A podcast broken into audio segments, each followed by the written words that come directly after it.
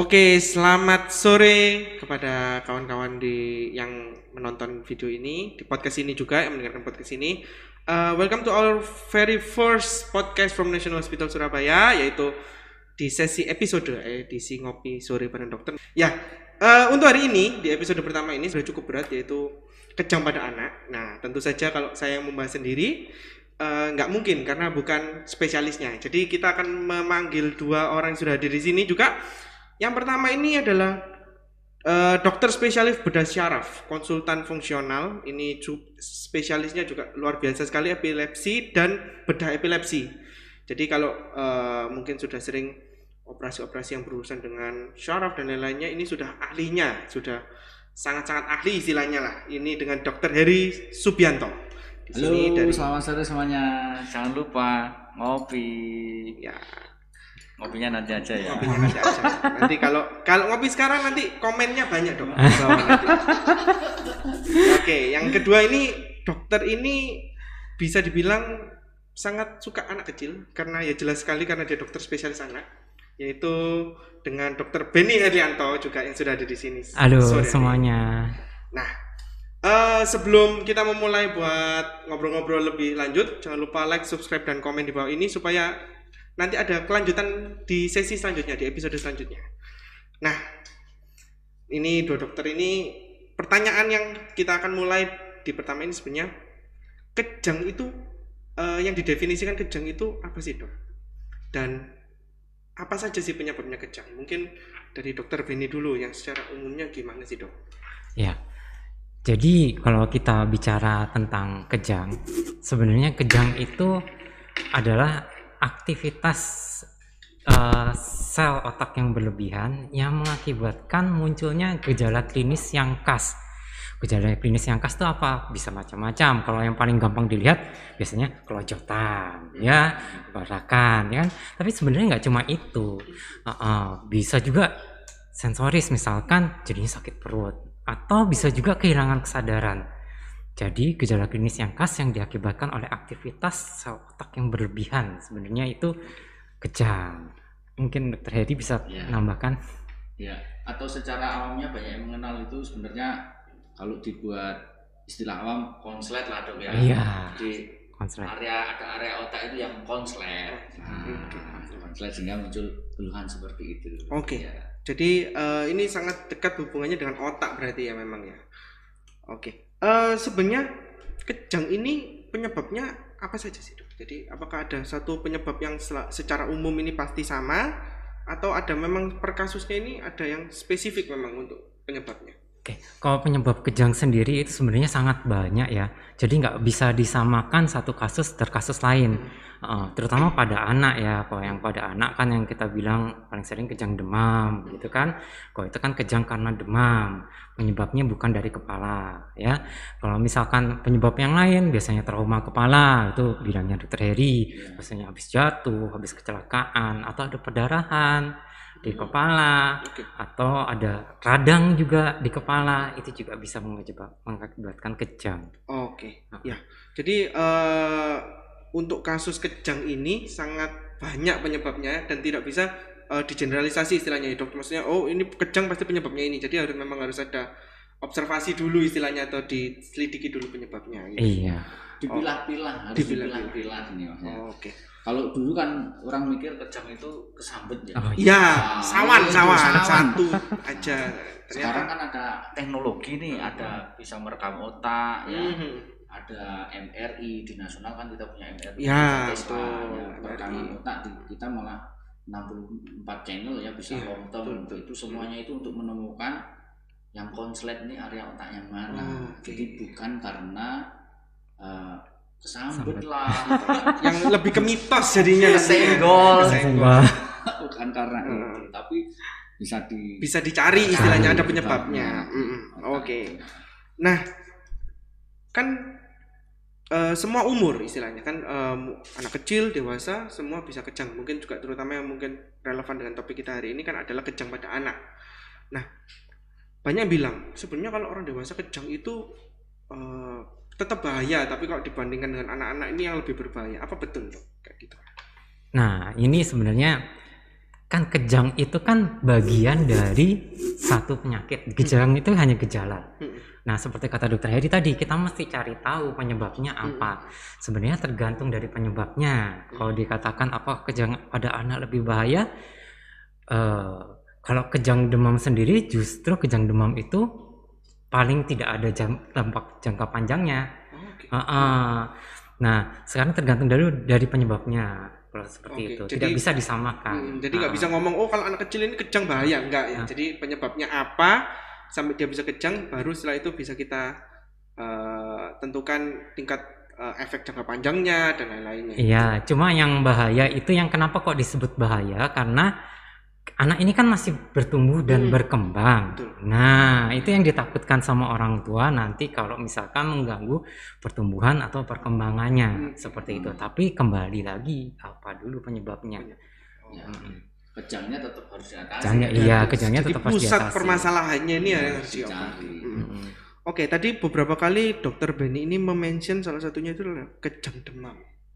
Ya. Mungkin kalau saya sendiri juga waktu masih kecil kalau sudah panas tinggi biasanya memang takutnya adalah istilahnya kalau kita nyebutnya step mungkin ya Nah, atau kejang demam. Sebenarnya eh apa ya? Maksudnya kira-kira sebagai orang tua terutama ya bagaimana eh istilahnya gejala-gejala awalnya kejang kejang demam ini seperti apa terus setidaknya kalau misalnya itu terjadi apa yang bisa kita lakukan untuk me, istilahnya apa ya kan takutnya kalau katanya kalau terlalu lama nanti merusak otak dan lain-lain nah apa Hmm. pertolongan pertamanya istilahnya dok kalau kejang anak ini eh, kejang demam pada anak terutama Jadi kalau pertama kali ada anak, anak kita kejang gitu ya, disertai dengan demam. Yang pertama jangan panik. Kalau panik minum teh aja bisa tumpah-tumpah loh. Hah, ya kan? Sampai lupa semuanya. Heeh. Ah, ah. Makanya jangan panik dulu. Setelah setelah itu eh, posisikan anak itu di tempat yang aman. Misalkan kalau itu kejadiannya di jalan atau misalkan lagi nyetir, kita menghindar dulu, berhenti dulu, pindah dulu ke tempat yang aman. Terus anaknya dilonggarkan pakaiannya. Kalau misalkan ada pakaian yang ketat, diletakkan di tempat yang datar, ya. Kemudian eh, kalau bisa jangan dekat dari bahan barang pecah belah. Takutnya kalau orang tuanya panik nanti ada pecah luka Hmm. nanti kan susah ya. Terus kemudian dimiringkan posisi anaknya. Kenapa kok miring? Takutnya kalau misalkan nanti ada muntah air liurnya busanya itu supaya menghalangi jalan nafas dibersihkan sambil diposisikan miring. Hmm. Iya. Terus setelah itu kalau misalkan memang posisinya sedang di rumah atau ada bawa, wah kebetulan bawa nih obat kejang Kejang. karena pernah kejang sebelumnya bisa dimasukkan waktu itu. Oh, Nah, dimasukkan dari pantat ya. Hmm. Heeh. Tapi jangan lewat mulut ya. Nggak boleh sama sekali kalau lewat mulut apa pun itu mau mau obat kejang mau apa pun tidak boleh masuk lewat mulut ya. Terus jangan coba sekali-sekali untuk menentiin kejang ya, jangan dipegangi terus supaya nggak kejang nggak Oh, boleh, nanti oh, bisa gitu. cedera nanti. Oh, Mm-mm. Terus habis itu ditungguin anaknya dilihat kejangnya bagaimana, lamanya berapa lama, diukur suhunya waktu mulai kejang tuh berapa, hmm. supaya nanti kalau ditanyakan sama dokternya bisa jawab, supaya dokternya juga bisa tahu informasi bagaimana kejangnya dia sebenarnya, Oke. seperti itu. Jadi yang pertama pasti adalah tenang dulu ya dok, maksudnya Iya. dalam menghadapinya kan soalnya eh, kejang ini ini seperti yang di mention di awal sama dokter Heri juga eh, mitosnya banyak yang mungkin membuat orang itu aslinya bisa diatasi dengan baik, tetapi akhirnya panik, Iya. akhirnya tidak bisa bergerak dengan nyaman dan lain-lain. Jadi akhirnya eh, menimbulkan cedera dan lain-lain. Jadi seperti itu. Jadi tenang lalu juga seperti yang sudah di-mention oleh dokter Benny adalah eh, yang anak ini diposisikan aman dulu tidak ada eh, kemungkinan cedera jatuh dan lain-lain. Nah ini ag- agak masuk ke juga ke ranahnya dokter Heri juga selain itu. Kalau orang tuanya ini misalkan ada riwayat epilepsi dok. Anaknya ini bisakah terkena epilepsi yang terus akhirnya berujung pada kejang anak ini? Seperti itu dan adakah faktor misalnya oh itu genetik jadi bisa menurun sehingga akhirnya anak ini eh, ah nggak ada apa-apa bisa kejang atau istilahnya mungkin dalam tanda kutipnya tertular epilepsi ya, seperti itu dari orang tuanya Ya. Mungkin. Jadi kalau epilepsi menular itu enggak ya. epilepsi itu tidak menular seperti penyakit COVID ya. Heeh.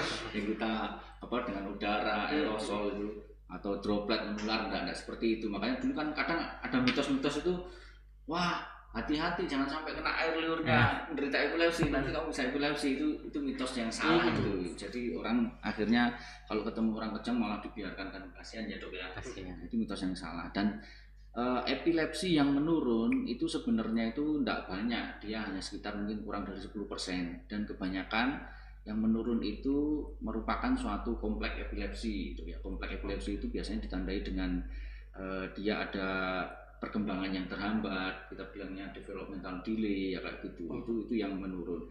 Terus kemudian kalau orang tua memang punya eh, riwayat epilepsi itu anaknya itu memang punya risiko lebih tinggi dibanding dengan populasi umum untuk punya epilepsi.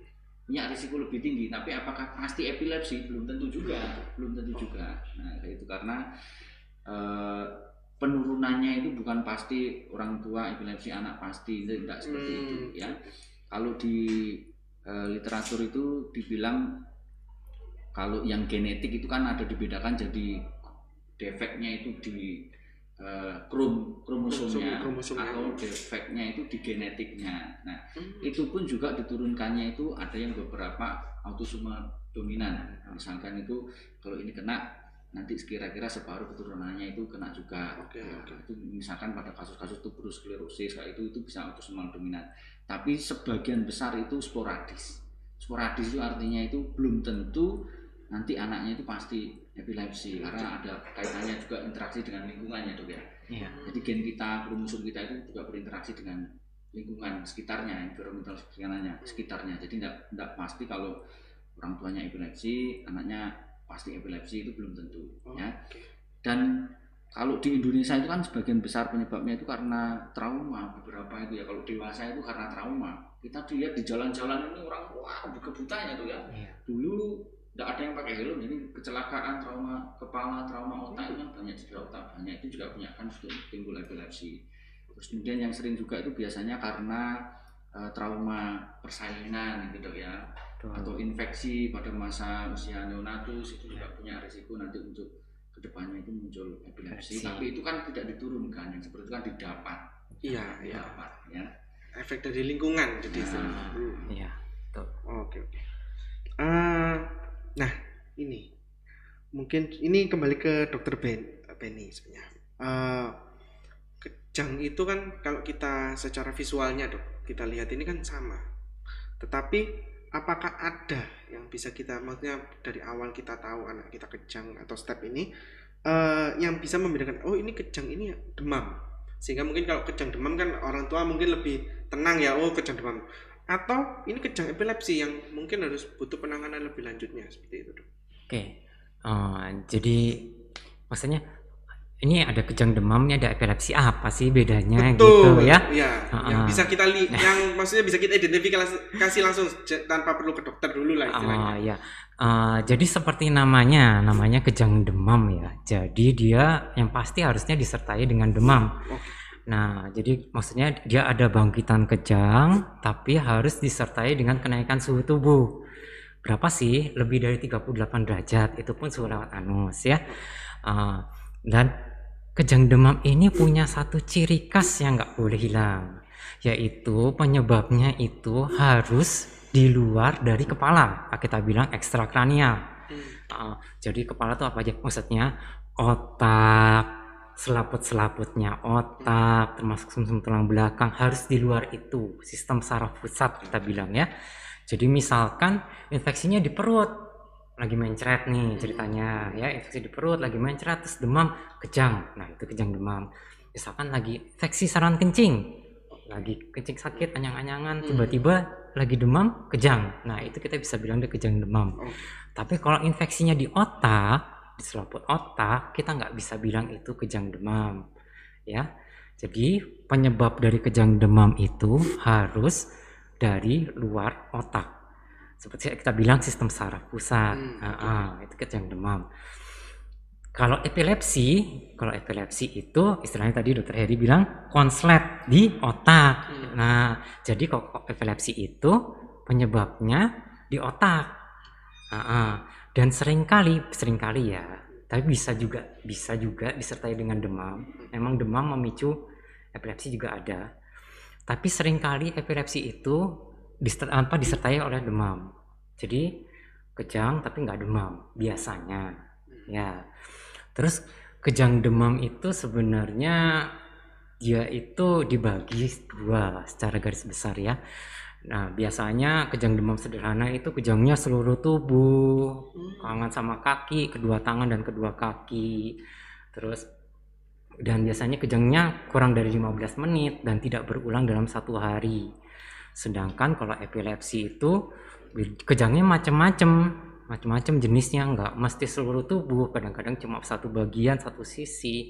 Atau kadang-kadang kehilangan kesadaran tiba-tiba. Seperti itu.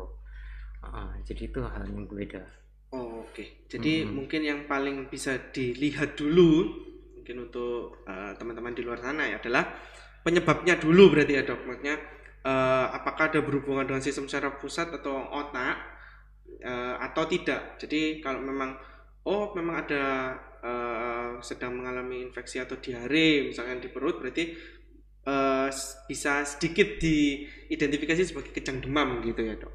Tetapi sekali lagi eh, jika terjadi hal-hal tersebut dan membu- memang membutuhkan eh, istilahnya penanganan medis, jadi kita tetap menyarankan ke dokter dulu untuk mendapatkan identifikasi lebih lanjut dari tenaga medis yang memang sudah ahli di bidangnya. Jadi jangan jangan habis itu asal diminumin obat nanti malah Iya, malah iya. berbahaya nanti. tetap tetap harus ke medis ya dok Ya, ya, ke tetap. Ah. karena eh, sebenarnya pada saat kejang itu ya itu ada sel-sel otak kita itu eh, menderita itu ya Betul. Eh, ada yang bilang itu sekali kejang itu sekitar 1 sampai 10 juta sel otak kita itu mati itu. Oh, Oke. Heeh. Tapi sel otak kita kan bertriliun-triliun. Heeh. Cuman kalau itu terjadi terus menerus ya Berbahaya juga. ya berbahaya. Digerogoti dikit-dikit Oh. nanti ya lama-lama yang tersisa sedikit nanti yang lain mati semua. Oh. Jadi tetap harus kalau eh, kejang itu suatu emergency atau Iya. kegawatan di Jadi pokoknya eh, sebisa mungkin segera mengakses eh, Layanan gawat da- kesehatan. layanan kesehatan darurat ya dok. ya Menarik mengenai ini. Tadi kan dokter Riri sempat membahas mengenai eh, ada memang ada sel-sel yang istilahnya mengalami gangguan di sini ya ketika kejang. Nah, untuk anak mungkin juga untuk dokter Beni juga ini pertanyaannya. Apakah dampak pan- jangka panjang bagi anak yang ken- pernah kena atau sering kejang itu seperti apa sih? Mm. Jadi kalau eh, kita bicara kejang, kita mesti bicara durasi, lalu bagian kejangnya yang seperti apa. Nah, kalau misalkan beberapa tipe epilepsi, kalau kita bicara epilepsi, ada beberapa tipe epilepsi ya- yang tidak memberikan, maksudnya jadi walaupun dia kejang-kejang, tapi dia tetap tumbuh kembangnya normal. Tapi ada be- beberapa tipe justru eh, dia kejangnya cuma sekali atau mung- mungkin nggak tampak secara kasat mata tapi dia memberikan efek yang signifikan terhadap tumbuh kembang si anak jadi sebenarnya tergantung dari jenis kejangnya. Nah kalau misalkan kejangnya disebabkan oleh karena trauma otak oleh karena pendarahan atau karena tadi karena trauma persalinan atau karena eh, hal yang lainnya itu jelas akan memberikan efek jangka panjang. Tapi kalau kita bicara tentang kejang demam kejang demam ini jarang sekali memberikan efek jangka panjang. Kecuali kejang demam kompleks. Kalau tadi kita bicara kejang demam sederhana yang tadi sebenarnya ada namanya kejang demam kompleks. Ciri khasnya adalah kejangnya itu dia tidak seluruh tubuh tapi hanya sebelah. Parsial Nah, gitu ya? parsial. Tapi penyebabnya sama ya. Penyebabnya demamnya karena bukan dari infeksi dari otak. Oke. tapi kejangnya tipenya berbeda. Tidak seluruh tubuh hanya parsial. Kemudian kejangnya lama lebih dari 15 menit. Kejangnya lebih dari satu kali dalam satu hari nah kalau yang kejang seperti ini eh, terutama yang lama ya kita bicara tentang durasi. Karena tadi dokter Dery sudah bilang hanya sekali kejang itu bisa rusak bisa ratusan ribu sel. Semakin lama semakin banyak yang rusak. Kapan dibilang lama? Sebenarnya di atas 15 menit sudah lama tapi kok kita patokannya 30 menit? Itu kita bilang namanya status epileptikus. Itu hampir kemungkinan besar akan memberikan efek, Efek jangka jangka panjang. Yang paling ditakuti orang tua ya pastinya gangguan perkembangan ada yang namanya cerebral palsy. Cerebral palsy ini karena kerusakan sel-sel otak, jadi akhirnya anak tidak dapat bertumbuh dan berkembang dengan baik. Mungkin sampai di usianya sekian dia hanya mencapai pertumbuhan sampai usia di bawahnya, tidak bisa sempurna. Seperti itu. Oke. Jadi memang eh, itu sekali lagi kalau memang terjadi kejang eh, pada anak eh, disarankan sekali untuk segera mendapatkan pertolongan medis eh, yang gawat darurat. Jadi mungkin bisa mendapatkan eh, pertolongan pertama dari petugas-petugas medis dan melakukan konsultasi dengan dokter-dokter terkait. Jadi bisa ke dokter spesialis anak juga. Nanti mungkin juga jika di- eh, ada tindakan lebih lanjut, nanti mungkin juga bisa dengan dokter bersyaraf juga. Nah, Ya. ini sebenarnya eh, untuk dokter Heri di tingkat di pos eh, istilahnya apa ya di tahap manakah ketika Porsi seorang kita. orang ya Porsi dasar apa? Ini Iya, ngomong- nanti- ngomong, ngomong kejam dengan dokter anak itu ada dokter bedah saraf gitu ya. nah iya makanya kan nanti nanti orang-orang ini kan ini kok Oh ini kejam di bedah berarti ya. makanya nanti Nah, itu. ternyata kadang demam Iya. langsung nanti langsung appointment sama dokter Heri nah waduh Nah, nanti Nah, itu. makanya Jadi kita, porsinya kan- seperti makanya itu. kita ajak dokter Feni ini spesialis Ah, ah. anak. karena sebenarnya porsi utamanya itu adalah medikamentosa, penanganan dengan obat-obatan, Oh, ya, oke. penanganan dengan obat-obatan. Jadi eh, epilepsi itu kalau ada 10 pasien epilepsi ya, itu yang 7, 7 itu dengan obat-obatan terkontrol, 7 itu ya. Oh, Yang 7 terkontrol dia bisa ke dokter spesialis Hmm. anak, spesialis saraf, itu rutin minum obat terkontrol. Tetapi memang tiga orang ini bandel. Kita bilangnya itu bandel ya dok ya.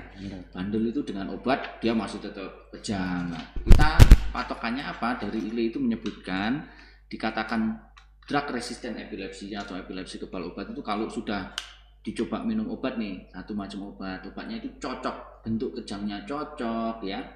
Eh, jenis kejangnya itu juga cocok dengan obat ini karena obat-obat itu kan banyak yang ada yang untuk vocal seizure atau untuk general seizure ya ada yang bisa combine. Nah ini ini cocok bentuk kejangnya cocok. Dosisnya oke sesuai. Diminumnya juga teratur karena kadang-kadang kan seolah-olah dia minum tapi siapa tahu karena uh, dibuang. Iya, ternyata nggak jadi diminum. seolah-olah kebal padahal itu dibuang obatnya.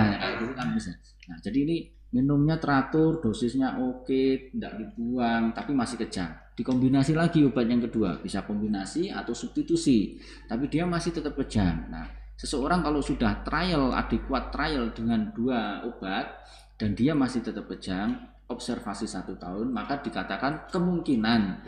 Kemungkinan nih ini kebal obat. Nah yang seperti ini harus dilakukan evaluasi lebih lanjut. Itu yang yang secara general kebal obat seperti itu ya. Terus kemudian untuk anak-anak memang kita harus lebih eh, dalam tanda kutip itu lebih aware lebih cepat. Penanganannya mengenali kebal ini lebih cepat. Kenapa? Karena pada anak itu otak sedang tumbuh nah pada anak itu ada yang beberapa menyampaikan itu satu tahun terlalu lama jadi enam bulan. Jadi ketika enam bulan trial obat satu macam dua macam tiga macam cocok nih kok masih tetap kejang? Meskipun hanya mungkin ringan eh, spasmus-spasmus ringan gitu ya itu harus segera dievaluasi. Bukan segera dioperasi bukan tapi segera Dievaluasi dulu. evaluasinya apa? EEG nah Hmm. EEG dulu. Nah kita di nasional ini kita punya fasilitas EEG 64 channel dan kita extended kita punya namanya Ya, extended bisa EEG di sambil tidak hanya 30 menit kita perekamannya dong. Tapi kita perekaman bisa sampai 3 jam 4 jam 5 jam. Dengan harapan kalau kita melaut nih mau menjaring ikan makin lama kan makin, Makin banyak yang kita istilahnya, dapat iya. ya. Nanti sumber kejangnya di mana. Syukur-syukur kita bisa ketemu namanya iktal seizure recording. Jadi pas dia kejang pas kita tahu betul lah itu cocok betul itu sumber kejangnya dari mana. Jadi EEG itu. Yang kedua kalau ternyata dengan obat tadi masih tetap mentok ya sarannya satu dengan EEG yang kedua pemeriksaannya dengan MRI karena kita tahu sebab pada anak-anak terutama kalau eh, kejangnya itu membandel itu ada beberapa hal yang biasanya muncul. Misalnya kasus-kasus eh, kelainan struktural yang muncul ya. Mungkin ada vokal cortical dysplasia di situ ada hemimegaencephali kalau kalau secara struktural ya. Jadi Hmm. otaknya itu ada gangguan perkembangan nah kita di nasional itu ada MRI 3 Tesla. Jadi lebih spesifik bisa mengevaluasi. Dan Iya. kita juga bisa melihat perfusi eh, aliran darahnya ke area otak itu sebenarnya perfusinya bagus apa enggak. Ini eh, perfusinya turun atau perfusinya naik kayak gitu. Itu bisa dilihat di nasional. Itu semua itu untuk eh, melihat pada kasus-kasus yang kebal obat ini kira-kira kita bisa lakukan tindakan apa enggak? Hmm. Karena kadang-kadang juga setelah kita lakukan EEG, kita lakukan MRI, ternyata nggak ketemu sumbernya juga. Pada kasus seperti ini kita juga nggak bisa lakukan tindakan uh, yang surgery juga. Yang invasif uh, gitu juga nggak bisa kita ya? Bisa. Mungkin kita optimalkan obat dulu gitu ya. Jadi nggak langsung, uh kebal berarti udah itu enggak kayak gitu juga jadi kita harus ada komunikasi nanti dengan dokter yang merawat hmm. obat apa yang bisa ditambahkan diadjust kayak gitu oh, okay. ya jadi kan soalnya uh, mungkin nggak semua orang orang tua juga nggak tega ya mungkin ya. masih kecil mungkin sudah me, harus menjalani operasi yang atau masuk di meja operasi jadi mungkin ya.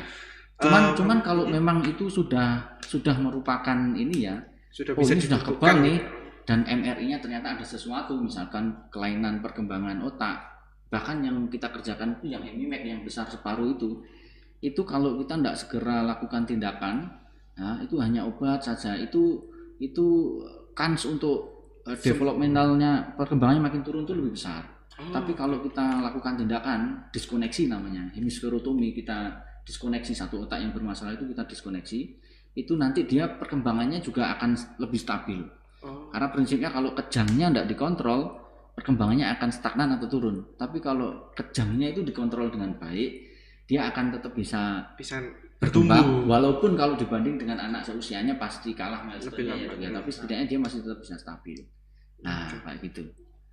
Oke, jadi uh, di sini nih yang sangat penting adalah di mana proses uh, diagnosa dan uh, evaluasinya istilahnya di mana ya uh, memang anak ini kalau ini terjadi pada anak terutama sesuai topik hari ini adalah bagaimana uh, dokter dan orang tua lebih tepatnya ya saling membantu mengamati anak ini mungkin ketika kejang atau ketika uh, beraktivitas. Lalu juga uh, orang tua juga bekerja sama dengan dokter untuk mungkin berkonsultasi mungkin ya dan dokter juga akan bekerja uh, bekerja keras juga untuk menemukan mungkin ya penyebabnya. Jadi uh, nggak usah khawatir. Jadi jangan takut karena misalkan, waduh dikasih obat sama misalnya ke dokter Benny kasih obat satu, kasih obat dua, nggak sembuh. Waduh, karena saya pasti dioperasi. Enggak. Jadi pasti ada tahapan evaluasinya Evaluasi dulu sih, harus ya.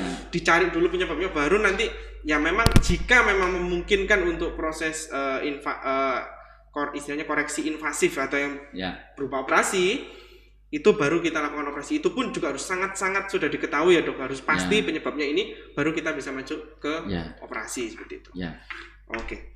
Ini uh, kemarin juga kita buka pertanyaan dok. Hmm. Jadi ada beberapa pertanyaan dari uh, sosial media kita. Uh, ini dari Instagram. Ini at Aulia underscore dia underscore a.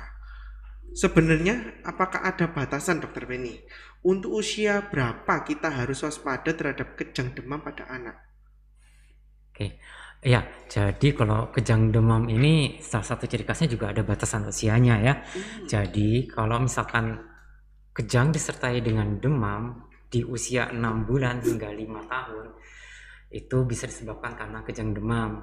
Tapi bukan berarti di luar itu tidak bisa ya. Cuma misalkan anak itu sudah usia 7 tahun, dia ada demam, ada penyebab lain terus kejang. Kita harus berpikir yang lain juga jangan-jangan dia ada epilepsinya jadi harus dicek seperti kata dokter Heri tadi dicari. Jadi kemungkinan dia bukan kejang demam sederhana seperti yang di bawah lima tahun. Hmm. atau misalkan dia ada demam disertai dengan kejang tapi usianya di bawah enam bulan justru kita harus berpikir yang pertama jangan bukan kejang demam dulu. Kita harus berpikir yang lain dulu. Window age-nya itu adalah di enam bulan sampai lima tahun. tahun. Nah, nanti biasanya di atas lima tahun biasanya udah jarang kejang demam ya justru kalau misalnya terjadi di luar range uh, sisanya jendela uh, umur itu berarti harus kita waspada untuk penyebab lainnya berarti betul kita harus oh. mewaspadai penyebab lainnya hmm. oke okay. uh, eh, lalu ini ada pertanyaan mungkin tadi ini juga sudah di uh, remarks di awal adalah mengenai pertolongan pertama uh, ketika anak mengalami kejang demam atau kejang pada umumnya yaitu yang pertama adalah orang tua harus tenang dan mengamankan posisi anak ini jadi menjauhkan dari benda-benda berbahaya pecah belah lalu membantu juga membantu dokter istilahnya adalah mengamati mungkin uh, suhu ketika kejang berapa lalu uh, kejangnya seperti apa sehingga ketika nanti bertemu dengan dokter bisa dibicarakan lebih lanjut dan dicari penyebabnya bersama seperti itu ya nah, oke okay. Eh, untuk selanjutnya ini dari Ed Fitrianin Fitrianin Diasari. Apakah benar anak kejang itu diberi minum kopi? Nah, ini ada pembahasan mitos gitu. Terus eh, apakah betul eh, apa ya? eh, mayoritas kejang itu ada berhubungan dengan gender. Jadi kalau ini dia tanyanya apa sering terjadi pada anak cowok. Jadi ada hubungannya dengan gender. Apakah seperti itu? Mungkin mungkin bisa saling menjawab dan menambahi istilahnya. Gitu. Mungkin dari siapa dulu? terus ini Ya. Jadi ini juga salah satu mitos yang paling favorit ya di antara orang tua ya. Eh, kalau pada saat kejang, tadi saya sudah kasih tahu tidak boleh ada yang masuk ke mulut apa pun itu gitu ya. Tapi yang lebih sering ditanyakan sama orang tua tuh, wah ini anak saya pernah bakat kejang kejang demam, kok gitu saya kasih kopi aja anaknya. Maksudnya bukan pada saat kejang, ya. Oh, maksudnya dikasih kopi bukan pada saat kejang. Apakah itu boleh? Itu sering banget ditanyain itu juga nggak ada hubungannya ya kopi dengan kejang dan saya nggak saran ya anak-anak dikasih kopi Oh, kasihan. Siap. iya kopinya dikirim ke sini aja ya oh iya sini, ini ya, Buat gantikan ininya, teh. Buat ganti gantikan teh. tehnya ini. iya Ini nanti kalau anaknya dikasih kopi bukan eh, sembuh kejangnya jadi anak senja mungkin. ah iya gitu. Dan ini gender dong. oh iya Gender, masalah gender ini memang gak ada. Maksudnya, wah ternyata cowok ini punya kemungkinan lebih tinggi kena eh, kejang. Eh, ter- terlepas dari mungkin kalau anak-anak kejang demam atau dengan epilepsi mungkin seperti itu. jadi kalau kejang pada laki-laki memang proporsinya lebih sedikit banyak laki-laki gitu ya. Tapi nggak sampai beda jauh sekali. Tapi ingat itu tergantung dari jenis kejangnya dulu. Kan tadi seperti dokter Heri bilang itu kan ada yang diturunkan secara genetik ada yang ini. Nah pada beberapa jenis kejang misalkan tipe epilepsi yang kita bilang absence tuh yang tiba-tiba pingsan yang tiba-tiba nggak tahu itu justru malah sering pada wanita. Oh, oke. iya. Oke, jadi ka- kalau eh, memang eh, secara statistik ya, secara statistik ya, memang ada kecenderungan, tetapi tidak sampai mencolok, maksudnya, Mencolok, oh, ha. coba. Nah kalau di epilepsi sendiri dok, maksudnya adakah gender itu menentukan kemungkinan resiko orang terkena epilepsi lebih tinggi atau tidak? Seperti itu. sebenarnya juga enggak ya jadi yang yang eh, absans itu kan sebenarnya kan tipe epilepsi juga ya itu absans epilepsi itu memang lebih eh, banyak di perempuan tapi ya juga enggak enggak Nggak Nggak sampai mencolok, maksudnya pasti co- cewek pasti punya resiko Ya, lebih tinggi. terus kemudian eh, misalkan kasus-kasus kalau tidak salah rolandik epilepsi ya dok itu rolandik epilepsi itu sindromik epilepsi itu kalau tidak salah itu laki-laki lebih lebih prefer untuk itu misalkan kayak gitu. Tapi ini juga tidak bisa jadi catatan bahwa Hmm. eh, apa namanya Salah satu jenis gender lebih beresiko gender gitu. lebih berisiko enggak Jadi memang nggak ada pengaruhnya ya, 100% bisa dibilang ini 100% Ya. mitos mungkin ya. Ya. Oke. Eh, lalu ini ada pertanyaan dari Elke Betresia. Jadi dia ini sebenarnya tanya, jadi kalau anak nangis lalu pingsan, apakah itu eh, ada mengarah ke arah kejang? Nah, mungkin mungkin tantrum mungkin ya, maksudnya nangisnya sampai gimana gitu terus tiba-tiba pingsan terusan.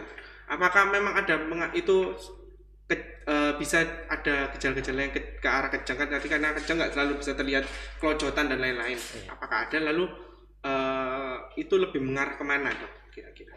Kalau yang anak nangis tiba-tiba pingsan itu biasanya tantrum ya. Hmm. Tantrum biasanya itu breath holding spell. Jadi breath holding spell itu maksudnya eh, jadi ketika anak itu mengalami emosi, gejolak emosi, dia frustasi, tidak bisa mengatakan apa yang dia inginkan. Pada beberapa bayi itu dia akan cenderung dia menahan nafas. Tapi itu bukan kejang ya. Oke. Ah, dia menahan nafas sampai anaknya pucat sampai akhirnya dia pingsan. Oke. Ah, ah. Itu itu bukan termasuk kejang. Oke. Ah, ah. Mungkin kalau ada kejang yang mirip-mirip mungkin kejang tipe absence ya dok ya. Tapi Iya. biasanya dipicu sama hiperventilasi. berventilasi Ah, ah. Hmm. Mm-mm. Itu yang mirip-mirip sebenarnya. Oke. Jadi pinter itu berarti anaknya itu dia Iya. sudah minta sesuatu mungkin dok ya Minta gak dituruti dia nangis ah, Oh, Oke, kejang. jadi sudah sudah eh, pandai merayu lebih tepatnya, Ah. sudah punya itu. kalau driver itu kan panik orang tua Iya. Iya.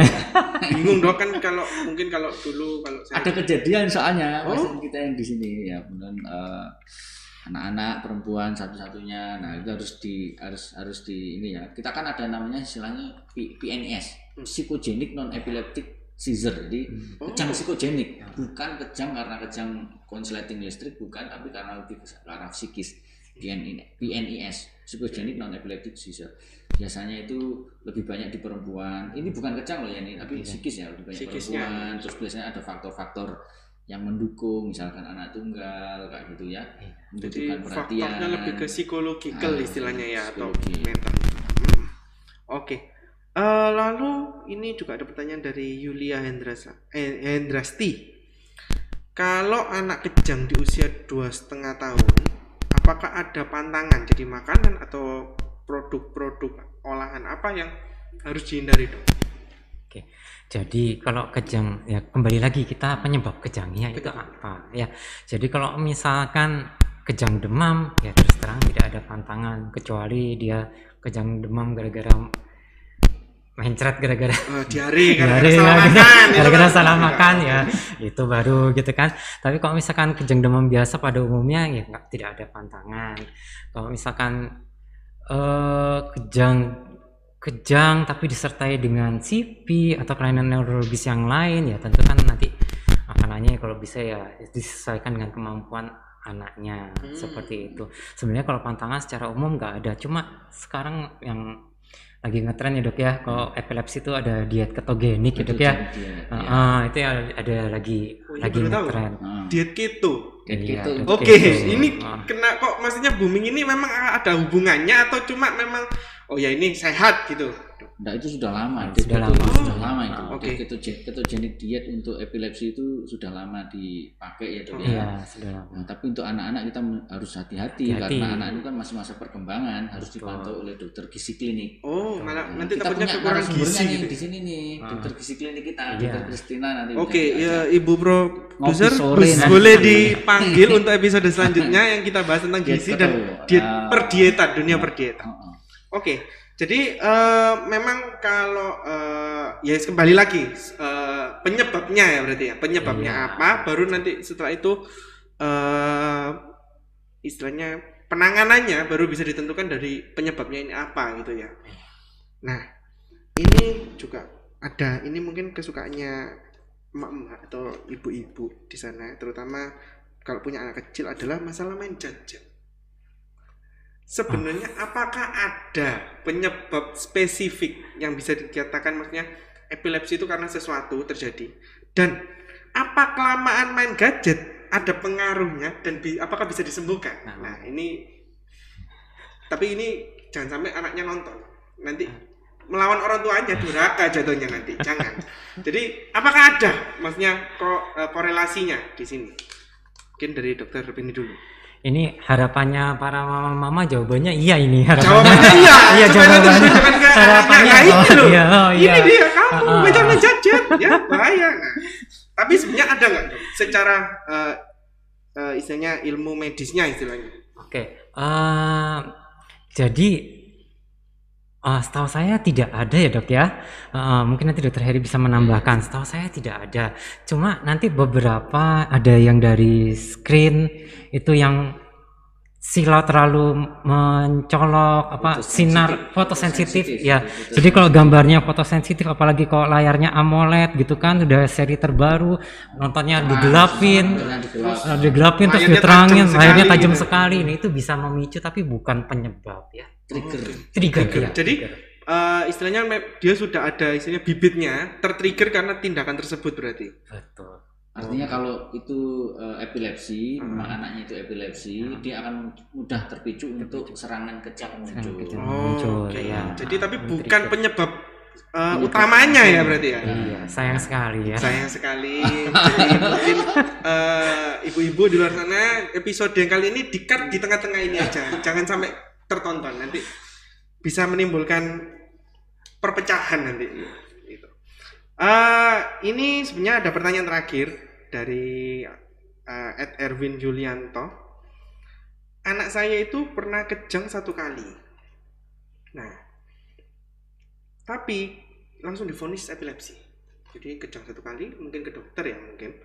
Terus divonis epilepsi. Nah, apakah bisa dianggap istilahnya kalau dia ini tanyanya apakah valid? Dok mengatakan seperti itu. Jadi kejang satu kali mungkin ya mungkin eh, kalau ini kan kita nggak bisa bilang ya karena apakah sudah ada diagnosa tindak-tindakan seperti yang dikatakan tadi EEG, MRI dan lain-lainnya kita nggak bisa bilang. Cuma apakah memang bisa dari satu kali kejang lalu ke dokter ketemu oh ya ini epilepsi. Seperti itu dok.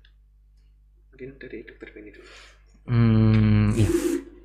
Jadi eh, kejangnya seperti apa, begitu kan ya? itu penting. Pada saat kejang eh, bagaimana? Itu kan itu yang penting informasi yang penting dulu kejangnya seperti apa. Atau mungkin eh, orang tuanya memberikan informasi sudah memberikan informasi ke dokternya, dokternya menganggap itu kejang yang sebelumnya.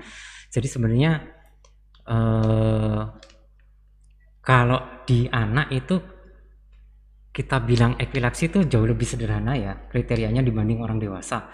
Kita bilang kalau ada bangkitan kejang dua kali eh, jarak lebih dari 24 jam tanpa disertai demam kita sudah bisa anggap epilepsi tapi harus dikonfirmasi lagi dengan EEG seperti itu. Eh, jadi kalau memang kalau di anak memang lebih mudah ya eh, tidak seperti dewasa. Ya mungkin dokter Heri bisa tambahkan. Kurang lebih sama dok jadi kalau dikatakan epilepsi itu kalau kejangnya muncul kan tanpa pemicu ya dok ya Kalau memicu, artinya tidak ya. kondisi demam Iya. terus tidak ada uh, kelainan metabolik misalkan natriumnya turun ya Ya, ada itu gulanya naik nggak seperti itu terus de- bedanya lebih dari 24 jam, jam tanpa mm, pemicunya tanpa itu. memicu. Nah, dan yang penting memang eh, sebisa mungkin secara objektif itu adalah EEG ya dok ya. Iya, rekam otak. di rekam rekam otak. itu nanti ada gelombang abnormal yang akan muncul. Mungkin ada spike, polyspike atau subwave atau slowing mungkin. Kayak gitu gelombang-gelombang abnormal itu yang akan men- menentukan derajat kira-kira ini klasifikasi EEG-nya derajat berapa? Satu dua tiga itu yang Oh, menentukan eh, seseorang itu bisa dianggap itu epilepsi apa enggak. Epilepsi. Sebab kalau sudah difonis ini epilepsi itu cukup berat ya dok ya. Iya. Pasti pasti itu kepikirannya sebenarnya sih dok. Pertama. Obatnya ini terutama ya dok ya. Obat terus Minum mungkin orang tua kan ya. shock ya dok langsung divonis epilepsi. Mungkin juga beban mental ke orang tuanya kan Hmm. mungkin terkejut gitu loh sih dok. Mungkin ya. Ya. jadi uh, konsultasi lebih konsultasi lanjut. lebih lanjut itu sangat Ya. penting menjalani uh, diagnosa yang lengkap salah satunya EEG lalu Ya. jika memang diperlukan akan dilanjutkan dengan MRI juga Ya. itu sangat penting untuk menentukan apakah uh, bisa dikatakan ini epilepsi atau Hmm. bukan seperti itu kalau ternyata jauh nggak usah khawatir ada telemed nasional Nah, ini baru mau ditanyakan. Iya. Baru mau pembicara ditanyakan. Wah, Nah, ini saya acaranya ini Senyum-senyum di belakang. Di belakang kamera ini Bu Produser sudah senyum. Terima kasih Ya, Bu Produser. Nah, terima kasih sudah ini baru mau ditanyakan. Nah, ini kalau misalkan nih eh, mau ketemu sama Dokter Benny sama Dokter Heri. Nah, mungkin Dokter Benny dulu. Kalau mau ketemu ke dengan Dokter Benny nih di National Hospital bisa kapan nih kalau mau konsultasi? Iya, saya sih sebenarnya dari Senin sampai Sabtu jagain kandang, Oke. ya jaga kandang. Jaga. Tapi sore, Sore. malam ya, eh, Senin, Kamis, Jumat jam 4 sampai jam 8, Selasa, Rabu jam 6 sampai jam 8. Oh, Hari Sabtu siang jam 2 Oke. sampai jam 5. Oke, iya. Eh, kon- telekonsul belum ya dok masih? Belum. Belum. Oke, nah kalau yang dokter Heri saya Senin Rabu dan Jumat Senin, Ya. Rabu dan Jumat. Ya. Kalau telekonsul gimana dok? Telekonsul sama juga Sama juga. Ya, jadi kalau mungkin kepo ini telekonsulnya lewat mana? Tenang saja, tinggal download Hmm. eh, National Hospital Apps. Di situ nanti nanti eh, bisa tinggal cari eh, di bagian eh, neurosurgery ya kalau ya. Neurosurgery nanti ada. Tinggal dicari aja fotonya dokter Heri. Dicocokkan mungkin dari video ini nanti yang mana yang Ya. dokter Heri. Langsung Nanti terus- bagian ini ke bawah dikira-kira sendiri ya. kira-kira Iya, sendiri. Dikira-kira kan yang penting kelihatan Iya, eh, kelihatan ke dulu. atas ya. nggak jauh beda tenang Ya. saja fotonya. Oke. Nah selama pandemi. Selama selama pandemi. pandemi. Nah eh mungkin karena ini sudah mendekati penghujung acara penghujung sesi istilahnya ya. Eh, mungkin ada sedikit remarks yang bisa disampaikan mungkin terutama juga orang tua di luar sana yang terkait kejang pada anak ini apa yang bisa eh, sepatah dua patah kata lah untuk mereka di luar sana seperti itu. Mungkin Ya. dokter. Jadi eh, kejang pada anak ini kita harus cari tahu dulu penyebab kejangnya apa. Nah, jangan tidak semua kejang itu adalah sama. Jadi jangan menggampangkan kejang. Maksudnya, oh ini kejang, pasti ini ini dikasih ini saja. Jangan menggampangkan kejang. Jadi sebaiknya apabila memang ada kejang, carilah pertolongan, segera cari pertolongan. Nggak perlu ke National Hospital kok rumahnya di Gresik, ya cari pertolongan yang terdekat dulu ya. Seperti itu. Oke, mungkin kalau dari dokter Heri. Ya, jangan lupa kalau sudah memang ditetapkan oleh dokter uh, epilepsi ya dok ya, minum obat teratur. Banyak mitos yang mengatakan minum obat nanti jadi tidak bagus kondisinya itu salah, salah ya. Harus diminum obatnya teratur. Kalau ternyata masih tetap kejang, nah nanti baru nanti kita berdasar ada tempat untuk membantu mengevaluasi kira-kira sumber kejangnya di mana ya. Oh. Jangan putus harapan, jangan putus asa. Oke, ya buat yang di luar sana eh, orang tua orang tua juga jangan panik, tetap eh, waspada boleh, tapi jangan panik, jangan eh, terla- terlalu percaya dengan mitos-mitos terutama karena seperti yang tadi ternyata oh ketika kejang ternyata nggak boleh nih memasukkan sesuatu ke melalui mulut ya. Karena juga obat dari kejang itu adalah melalui eh, anus gitu gitu. Nah Eh, mungkin sekian untuk hari ini. Ini luar biasa hari ini sudah dengan Dokter Heri, dok- dengan Dokter Benny membahas banyak sekali tentang eh, kejang dan eh, terutama pada anak hari ini. Eh, terima kasih sudah eh, mendengarkan podcast ini dan nonton. Jangan lupa like, subscribe, dan komen di bawah ini. Kalau ada usulan untuk topik yang kita bahas selanjutnya, bisa komen langsung di bawah. Jangan lupa juga stay tune, kita bakal upload rutin di hari Rabu sore. Jadi kalau memang kalau dilihat karena nggak kelihatan sebenarnya, kalau ini syutingnya sebenarnya siang, tapi nanti uploadnya sore. Jadi jangan lupa. Bye bye, sampai ketemu di lain kesempatan.